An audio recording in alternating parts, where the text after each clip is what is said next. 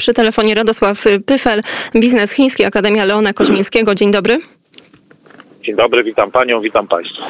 Będziemy dzisiaj rozmawiać o tym, jak wybory w Stanach Zjednoczonych i jak to, kto je zwycięży, wpłynie na, tak naprawdę na sytuację na całym świecie, a w szczególności na ten konflikt chińsko-amerykański, ale muszę zacząć od tego, bo przed chwilą byłam na Placu Zamkowym, oglądałam te protesty, które tutaj się odbywają. My już kilkakrotnie rozmawialiśmy na antenie Radia Wnet o, o protestach, czy to w Hongkongu, czy w Stanach Zjednoczonych, w których prym tak naprawdę wiedli młodzi ludzie. Troszeczkę taką sytuację mamy też teraz w Polsce, bo wśród tych osób protestujących multum, multum tych ludzi to byli nastolatkowie, to były bardzo młode osoby.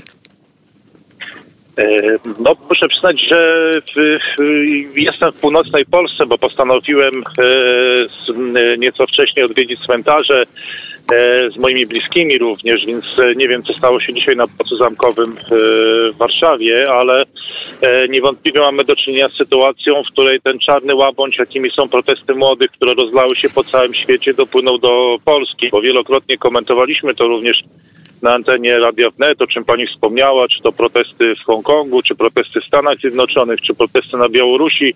Ostatnio mamy Tajlandię, no i teraz mamy Polskę. Wcześniej jeszcze było Chile i południe Europy. Wszędzie młodzi ludzie wychodzą na ulicę, to są pewne aspiracje, pewien brak satysfakcji z tego, jak ten świat dzisiaj wygląda, potrzeba zmian. E, to widzieliśmy też na Białorusi u naszego sąsiada. Było, niektórzy twierdzą, że to było jasne, że prędzej czy później to ten, ten łabędź dopłynie do Polski, no i tak się dzieje.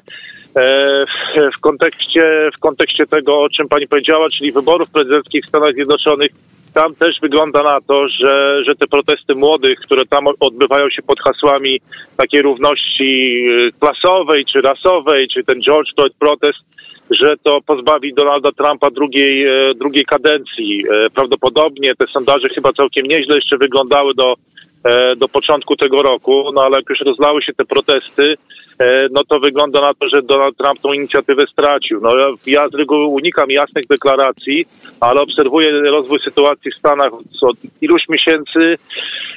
No i wydaje się, że Joe Biden tam w tych sondażach prowadzi zdecydowanie, ma dużo większe szanse na, na zwycięstwo. Prawdopodobnie to on, on będzie triumfował w tych wyborach, które odbędą się we wtorek. Donaldowi Trumpowi dawałbym jeszcze jakieś 10% szans, pewnie być może sondaże w tych swing states no, są nieprecyzyjne, czy wiele ludzi, którzy popiera Donalda Trumpa się w tych sondażach nie deklaruje po jego stronie.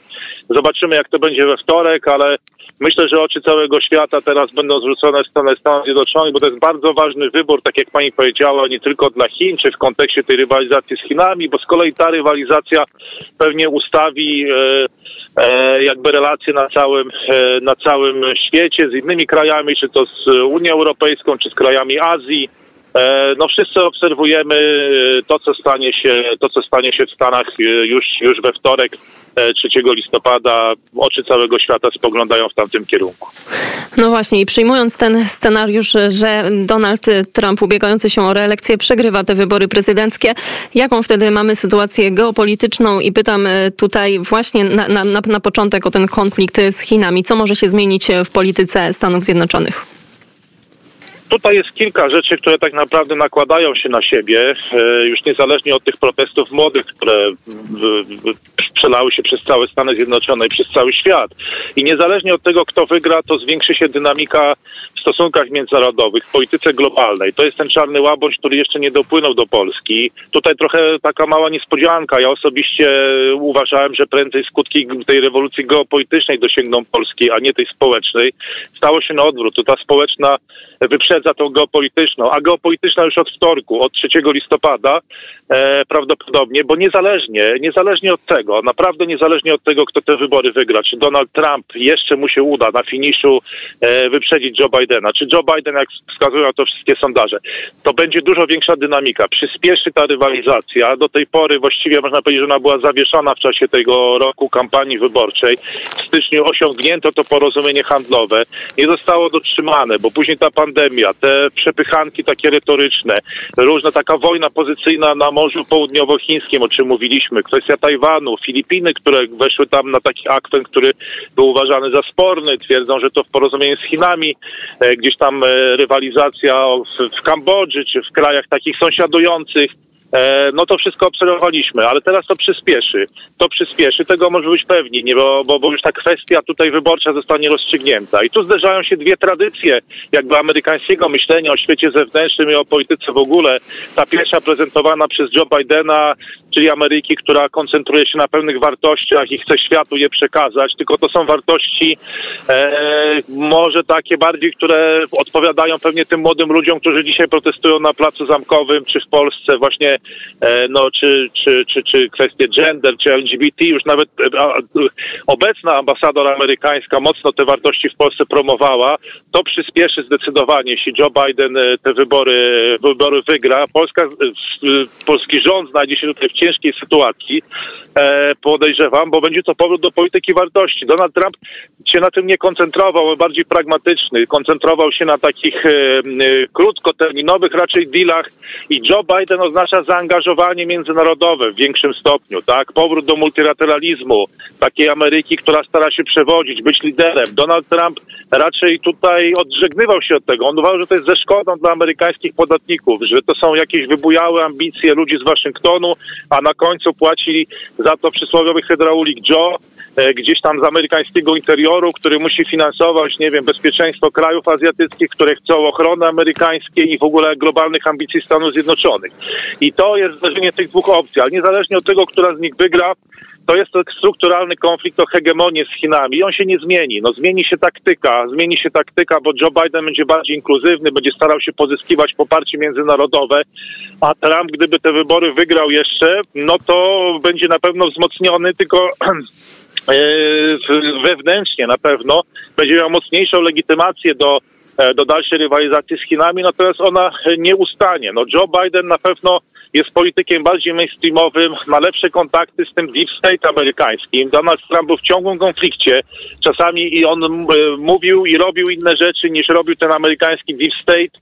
E, Joe Biden już był wiceprezydentem, urzędował w Białym Domu jako wiceprezydent, zna to państwo, jest politykiem od 50 lat. To niewielu jest polityków w świecie zachodnim, którzy mają takie doświadczenie e, no, w sprawowaniu władzy czy, czy w administracji. I on będzie z tym deep state amerykański na pewno bardziej zgodnie współpracował. No to na pewno zwiększy tą dynamikę e, po, e, po, po, trzecim, e, po trzecim listopada. Natomiast nie wiadomo, czy Bidenowi uda się odwrócić te trendy, które już Donald Trump jakby zmienił, czy Donald Trump już niezależnie od wyników tych wyborów dokonał rewolucji w światowej dyplomacji, w relacjach międzynarodowych w taki sposób, w jaki komunikował się z wyborcami, z przywódcami innych krajów, to są wszystko rzeczy, które e, nawet jeżeli Donald Trump zniknie z polityki amerykańskiej czy polityki światowej, to to pozostanie już i to zostało zmienione na zawsze. Natomiast e, Joe Biden, który przystąpi do tworzenia tutaj takiego obozu, będzie próbował teraz zachęcić Unię Europejską, która tak e, trochę oddaliła się od Stanów Zjednoczonych w tych ostatnich czterech latach, czy będzie próbował pozyskać sympatię krajów azjatyckich, bo przecież na samym początku swojej prezydentury Donald Trump zrezygnował z Trans-Pacific Partnership, z tego partnerstwa, które miało być taką przeciwwagą dla działań Chin w regionie. No teraz nie wiadomo, jak te kraje zareagują. Czy, czy te kraje azjatyckie tutaj postawią wszystko na jedną kartę, y, czy nie będą się obawiać jakichś kolejnych zmian w Stanach. Eee, tu złośliwi zwolennicy Trumpa mówią, że przecież Joe Biden jest dosyć wiekowym e, mężczyzną, dobiega prawie osiemdziesiątki. Tam jest Kamala Harris jako wiceprezydentka. Nie wiadomo, czy tu nie będzie jakiś e, jeszcze zmian, tak mówią złośliwi. Oczywiście i zwolennicy Trumpa. No ale to też wszystko będzie miało swoje reperkusje w tym, jak będą się być może zachowywać kraje azjatyckie czy kraje Unii Europejskiej. To będziemy obserwować pewnie w najbliższych tygodniach, kiedy, kiedy już naprawdę rozpoczną się bardzo dynamiczne działania także w polityce międzynarodowej, gdyby nam nie wystarczyło to, co dzieje się w kwestiach społecznych i to nie tylko w Polsce, ale i na całym świecie. Bardzo serdecznie dziękujemy za ten komentarz. Radosław Pyfel, założyciel studiów Biznes Chiński, Akademia Leona Koźmińskiego, ekspert zajmujący się tematyką Chin, Stanów Zjednoczonych, geopolityką. Bardzo dziękuję za rozmowę. Kłaniam się, dziękuję bardzo i życzę refleksji o, o przyszłości naszego świata, ale też i o, przysz, o przyszłości, o wszystkich tych, których już z nami, e, z nami nie ma w ten weekend i pozdrawiam ten piątkowy wieczór z północnej Polski. I my również bardzo serdecznie e, pozdrawiamy i wiemy, wierzymy, że słuchacze Radia Wnet akurat taką refleksję mają.